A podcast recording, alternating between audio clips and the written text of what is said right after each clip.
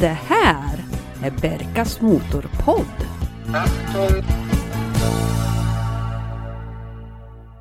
Hallå och välkommen till ett nytt avsnitt av Berkas Motorpodd. Jag som hörs just nu heter Jörgen.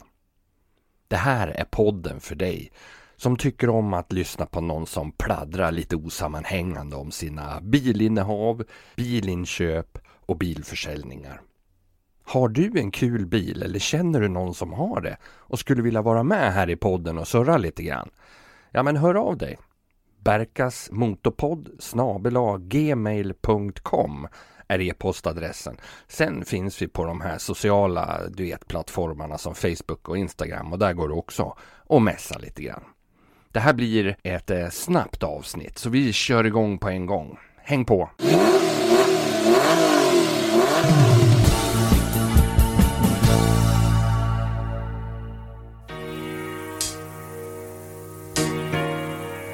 I nästan 60 år har den existerat, fascinerat och förbryllat. En modell som har varit uträknad och utrotningshotad men ändå lyckats gripa sig kvar hos sin tillverkare. Mycket tack vare oss entusiaster. Större delen av 1980-talet så var den ständiga frågan när den skulle läggas ner, inte om. Det har sett ljust ut under de senaste 24 åren och nu kommer den knappast att försvinna. Porsche 911, den är här för att stanna. Det här är en av mina absoluta favoritbilar och samtidigt en av mina drömbilar. 911 har verkligen tagit ett starkt grepp om sina entusiaster och få bilar kan skapa sån debatt trots att man diskuterar samma modell. Låt vara att man har delade åsikter om generationerna men ordväxlingar om huruvida vilken kylmetod motorn ska ha, det är kärnan. Det är luftkylt mot vattenkylt. Själv kan jag väl erkänna att jag var 911 puritan fram tills för 13 år sedan. Och vad som fick mig att ändra åsikt kommer vi till senare. Att vara puritan är att en Porsche 911 ska vara just luftkyld. Är den inte det så kan det lätt bli ordväxlingar. Vattenskadad eller diskmaskin kan vara exempel. Och sitter inte motorn bak, ja då kan man fråga sig om det är en Porsche överhuvudtaget. Som tur är har den här diskussionen ebbat ut eftersom fler och fler uppskattar modellerna med frontmotor och vattenkylningen. Varför skaffar man sig då en Porsche? Är det för att skryta? Ja visst, en del använder den oundvikligen som en statushöjare. Men den typen av ägare sållas lätt bort i gemenskapen och kamratskapen. För min del så handlar det om att hitta ett verktyg för min körning. Det är som att spela på en Stradivarius violin eller en Fender-gitarr istället för någon billig kopia som inte håller stämningen eller har rätt klang. Att känna sig ett med bilen. De flesta som jag har kört har varit över min körförmåga.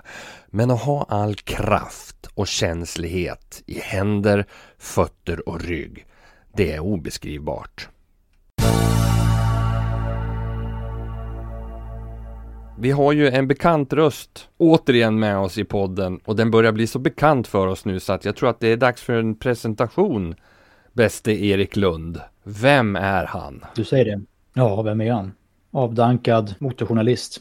Nej, det är jag väl inte riktigt, men eh, jag har ju eh, skrivit om bilar större delen av mitt liv eh, i olika tidningar. Både dagspress och motortidningar. Och varit frilans i perioder. Kommer man in på det där då? Är det motorintresset eller är det journalistiken som har styrt det där? Ja, men det är ju en, en lycklig kombination för min del i alla fall. In, kanske inte för läsarna, men eh, för min del så var det ju så att jag tyckte att det var väldigt kul att skriva och uttrycka mig redan när jag var liten. Och så var jag väldigt bilintresserad. Och sen gick det upp för mig att det där verkar som man kan kombinera om man har tur.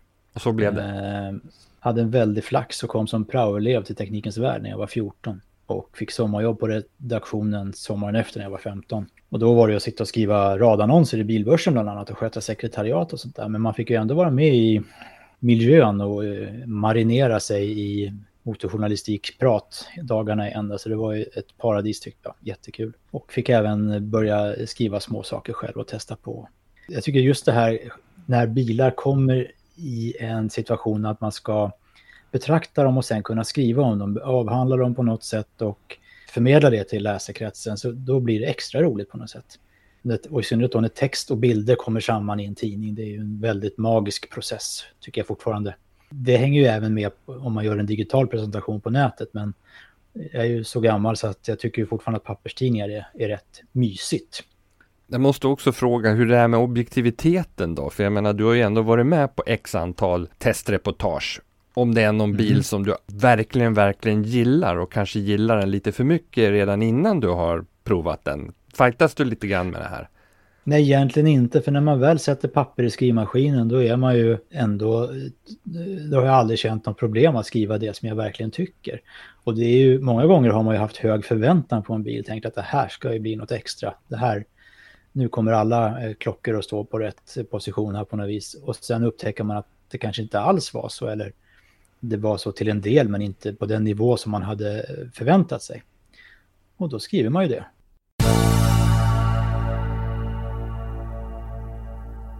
Den första 911 som jag körde, det var en röd 3,2 Carrera Targa från 1984.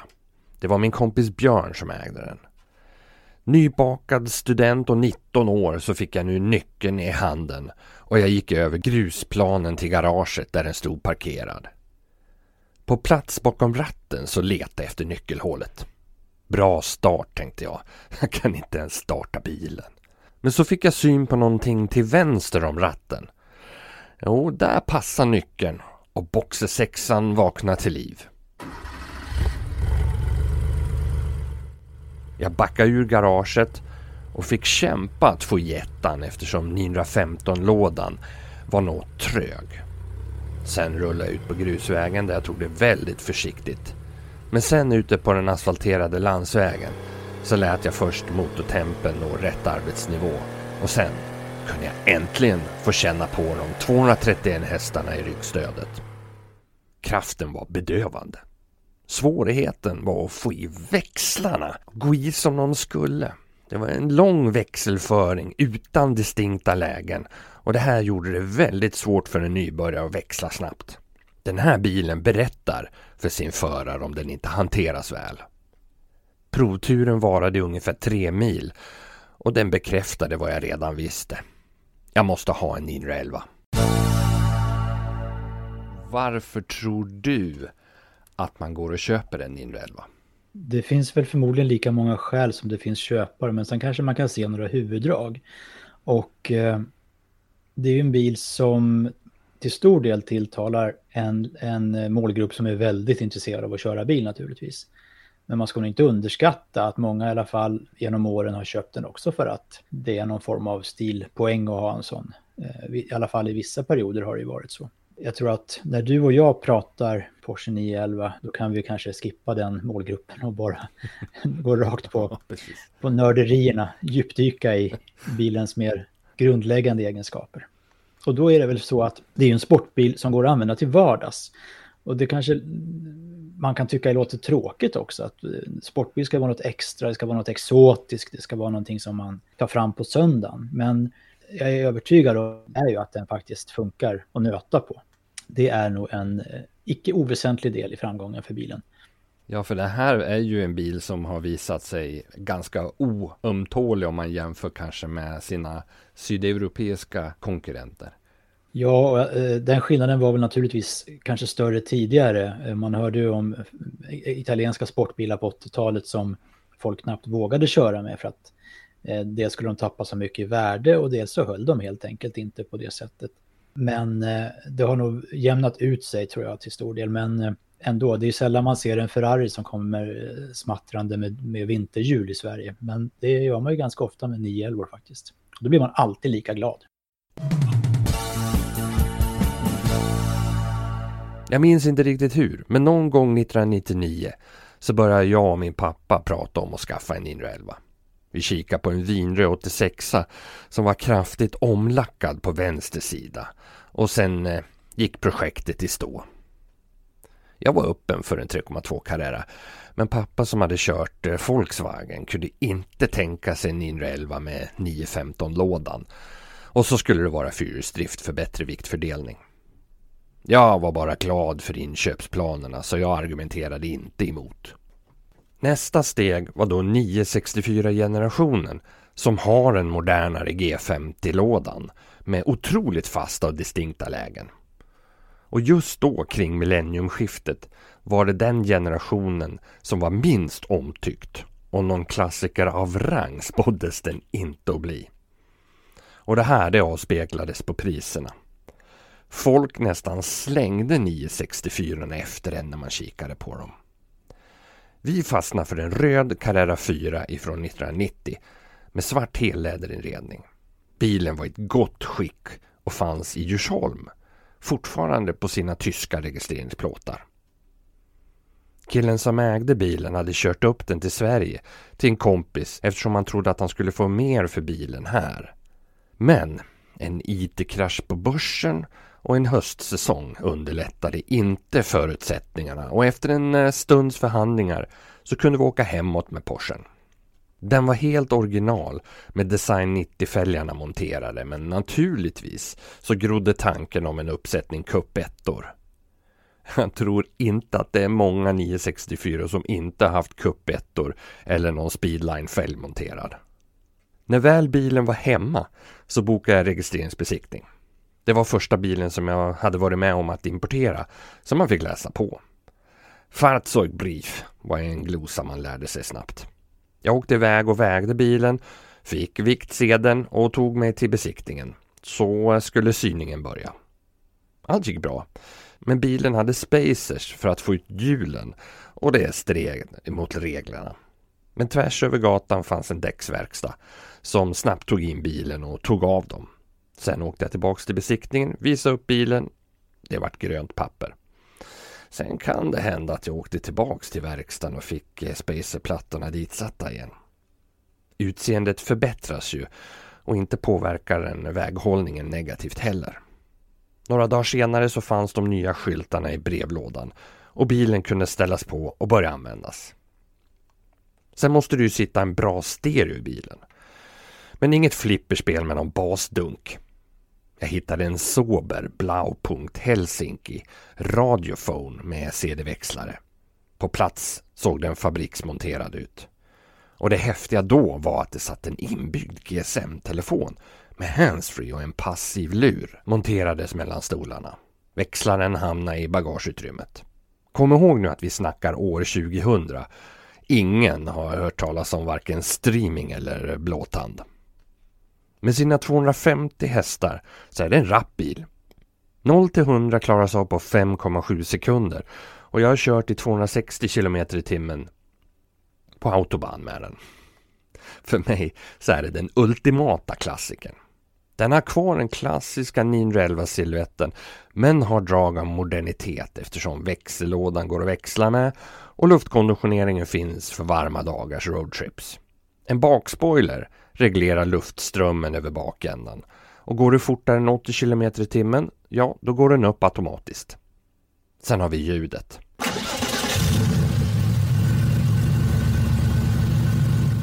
Ljudet.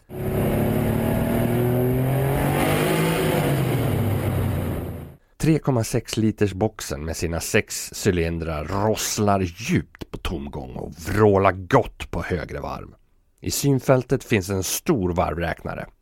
Avståndet till vindrutan är kort och där ligger även vindrutetorkarna i sitt eh, viloläge. Varför ligger då torkarnas viloposition framför förarens ögon? Jo, snabbhet och effektivitet. På så sätt så blir första svepet direkt framför förarens ögon och inte framför passagerarens ögon. Typiskt smart uttänkt detalj av Porsche. Men du äger ju en 911 också. Vi är ju stallkamrater kan vi ju säga. Exakt. Kommer du ihåg första gången som du körde en 911? Ja, det gör jag. Det, det var ju en präglande upplevelse får man säga. Eh, för då hade man ju läst ända sedan man var liten i biltidningar att det här är en fullständigt livsfarlig apparat. Så fort man kommer i närheten av en kurva så kommer den att vända sig om och kasta sig baklänges av vägen mycket mytbildning i det här. Jag hade ett vikariat på Teknikens Värld på sommaren 1996. Och då var det eh, en 911 av generation 993, en Carrera bakhjulsdriven men med tillvalet 3,8 liters motor. Då fick jag ta den över lunchen och ut och smattra. Men eftersom jag då var så inpräntad med att bilen var livsfarlig att köra och absolut skulle åka av vägen så var det ingen yvig körning kan jag säga. Det var väldigt försiktigt och respektfullt. Men eh, det var ändå en upplevelse som eh, gav mer smak får man ju säga. Våren 2009 så var det dags att testa vingarna och köpa en helt egen 911.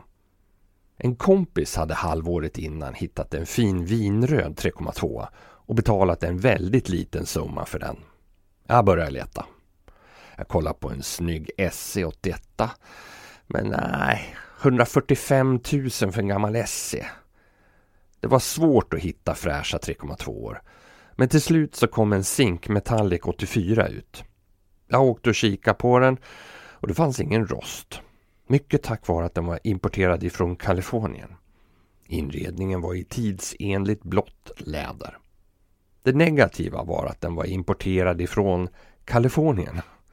Sidoljusen är inte snygga och motorn är strypt till 218 hästar på grund av eh, utsläppsregler. Han jobbar med väldigt, väldigt tunga stenar. Som tur så var de urgroteska stötfångargummina bak borttagna. Så här i efterhand så är det ju lätt att vara efterklok. Men det var någonting när vi skulle provköra bilen. Jag fick göra en väldigt, väldigt kort runda och knappt få upp motorn i arbetstemp innan eh, säljaren tyckte att vi skulle åka tillbaka. Sen när jag och min kompis Henke undersökte bilen så eh, ville vi ta en sväng till med den och gärna då med Henke med som hade en 3,2. Men det blev vi inte riktigt tillåtna att göra. Ja, man kan ju se det ur två sätt. Antingen så är man misstänksam och försiktig eller också så finns det någonting med bilen som man inte gärna vill att köparen ska upptäcka. Och det var det ju. Det visade sig att när bilen blev varm, speciellt när den blev varm, så tvekade den. Den liksom hackade fram när man kom i ett visst varvtal. Det var ju bara att köra ner bilen till eh, en Porsche-verkstad och så fick de göra en felsökning. Och mycket riktigt så var ju packningarna då till insuget slut så att den drog ju tjuvluft. Och eh, sen var ju luftmassemätaren väldigt sliten. Så att eh, den här klassiska keramiska banan där den här sensorarmen går var ju ganska utslitet. Så att ja, det blev lite reparationer och ett större uttag på bankkontot som jag väl inte tyckte var så roligt naturligtvis. En annan liten märklig grej var den dagen jag skulle hämta bilen så skulle vi mötas på banken för att göra klart med pengarna och sådär och sen skulle säljaren bjuda mig på lunch på Edsbacka krog. Tack man ju inte nej till. Men när vi kom upp då till parkeringshuset där bilarna stod så fick jag inte ta Porschen till krogen utan jag fick ta hans bil istället för han hade varit och hämtat mig inne i stan där jag bodde då. Och det där tänker jag på fortfarande varför jag inte kunde få ta min egen bil när den var betald och klar till restaurangen. Men det är klart då kanske samtalsämnena hade varit helt annorlunda än vad de blev nu. Jag körde faktiskt inte så mycket med den där. 964 var roligare och dessutom så bodde jag på Kungsholmen i Stockholm eftersom jag pluggade på KI. När jag väl sålde min lilla tvåa jag bodde i hade jag en slant över och planerna för en verklig drömbil började ta form. Men då måste även 3,2an säljas.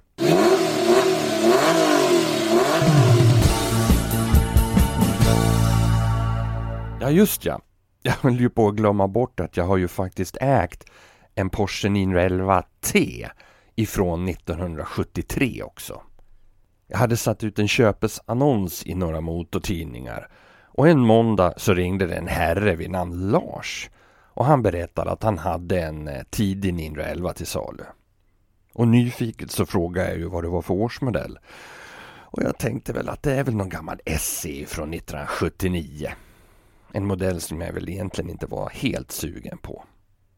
Men Lars, han berättade att det var en eh, 73 och jag höll nästan på att ramla av stolen nere på kontoret. En tidig 911 sista årsmodellen med de snygga, smäckra stötfångarna. Det var precis vad jag hade högst på önskelistan. De här bilarna är svindyra och en färdig i bra skick, det var någonting som min budget aldrig kommer att möjliggöra. Anledningen till att han hade ringt just mig var att han hade tyckt om min formulering i annonsen. Där hade jag skrivit att jag var entusiast och ville köpa en bil att fortsätta putsa med eller en lättare renovering. Lars berättade att eh, visst fanns det grejer att göra på den. Man var tvungen att lacka om den för underarbetet var dåligt utfört och hela bilen hade små jäsningar i lacken. Och därför så var man tvungen att slipa ner den ända till plåten för att sen göra om alltihopa. Priset var lågt. Väldigt lågt för den här typen av årsmodeller. Det är sällan som jag inte försöker att pruta. Men den här gången var det ingen idé och vi bestämde att jag skulle komma ner och titta på bilen följande helg.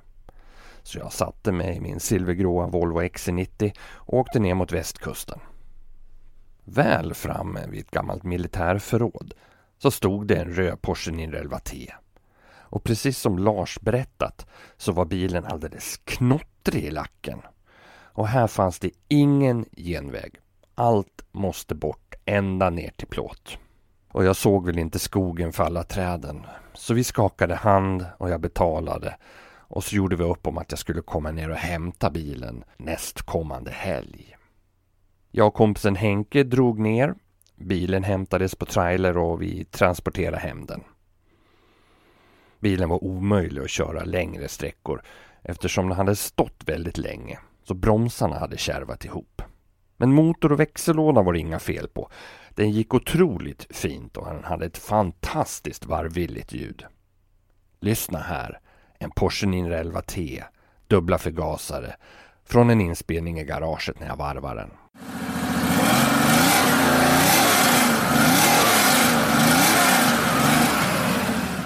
Gött ljud va? Projektet startades med att montera av allting. Alla lister, lampor och rutor måste ur. Det blev många timmar i garaget, men till slut så var den helt nerplockad. Allting katalogiserades och märktes upp och lades i plastpåsar och lådor. Jag hade engagerat tre kompisar. Bjärlan, Akren och Janne för projektet och de hade snällt, väldigt snällt ställt upp. Vi byggde upp en ramp av byggpallar som vi fick upp bilen på så vi kunde sänka ner motorn och växellådan. Efter det så byggde vi in bilen i en kuvös gjord av träreglar och byggplast. Och som tur var så har jag en väggfläkt med ett utblås i väggen så det fick fungera som ett utsug. Sen började operation nerslipning. Jag tror vi gjorde av med sex stycken slipmaskiner och över 400 slippapper innan bilen var plåtren igen. Till och med sambon Janet var med och slipa. Sen insåg jag vidden av katastrofen. Bilens historia kom ikapp och det visade sig att det här var en bil som hade levt ett väldigt hårt liv. Den var såld ny i Milano i Italien 1973 och 1977 så hade den kommit till Sverige via en firma i Göteborg. Redan i Italien hade det börjat hänt grejer. För det fanns dokumentation med som visade att chassinumret var ändrat utav den italienska polisen. Jag har frågat lite folk nere på internationella bilmässor vad det kan betyda och förmodligen så har bilen varit stulen och förmodligen lagt sitt dike. Jag blev bilens sjätte ägare i Sverige sedan den hade blivit intagen. Och trösklarna de var lagade med plastikpadding. Golven var intryckta och fronten hade lagats på ett väldigt undermåligt sätt med konstiga skarvar och dålig passform. Jag fick kontakt med ett trevligt par från Tyskland som hade en isblästringsfirma som hjälpte mig att få bort limrester inuti efter golvmattorna och även massan ifrån underredet. Det var en väldigt effektiv metod. Den var så effektiv så tyvärr späddes bara problemen på när vi fick allting rent. Jag insåg att jag var tvungen att köpa nya framskärmar, tröskellådor och golvplåtar. Min budget spräcktes kapitalt. Tidsaspekten var också ett problem.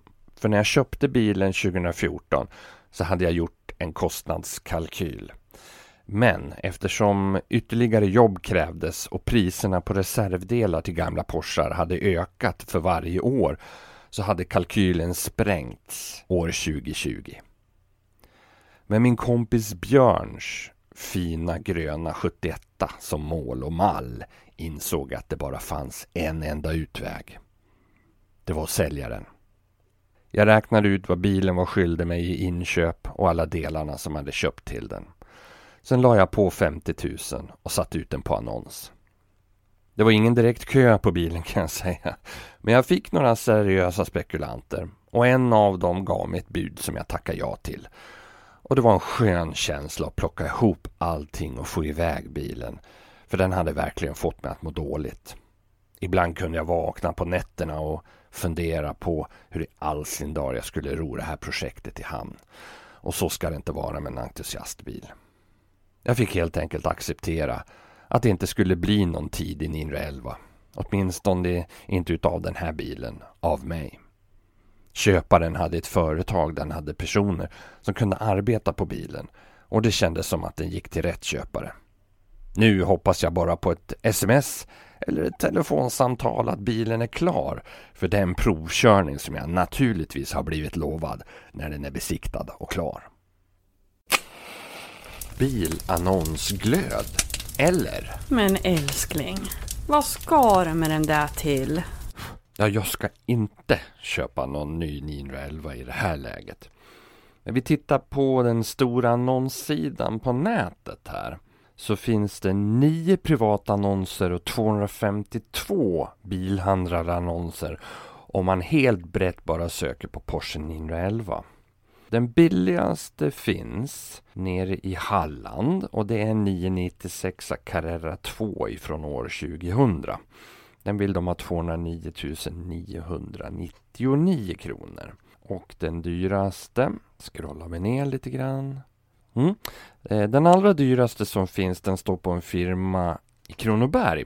Och det är en riktigt, riktigt dräpare. Det är 911R.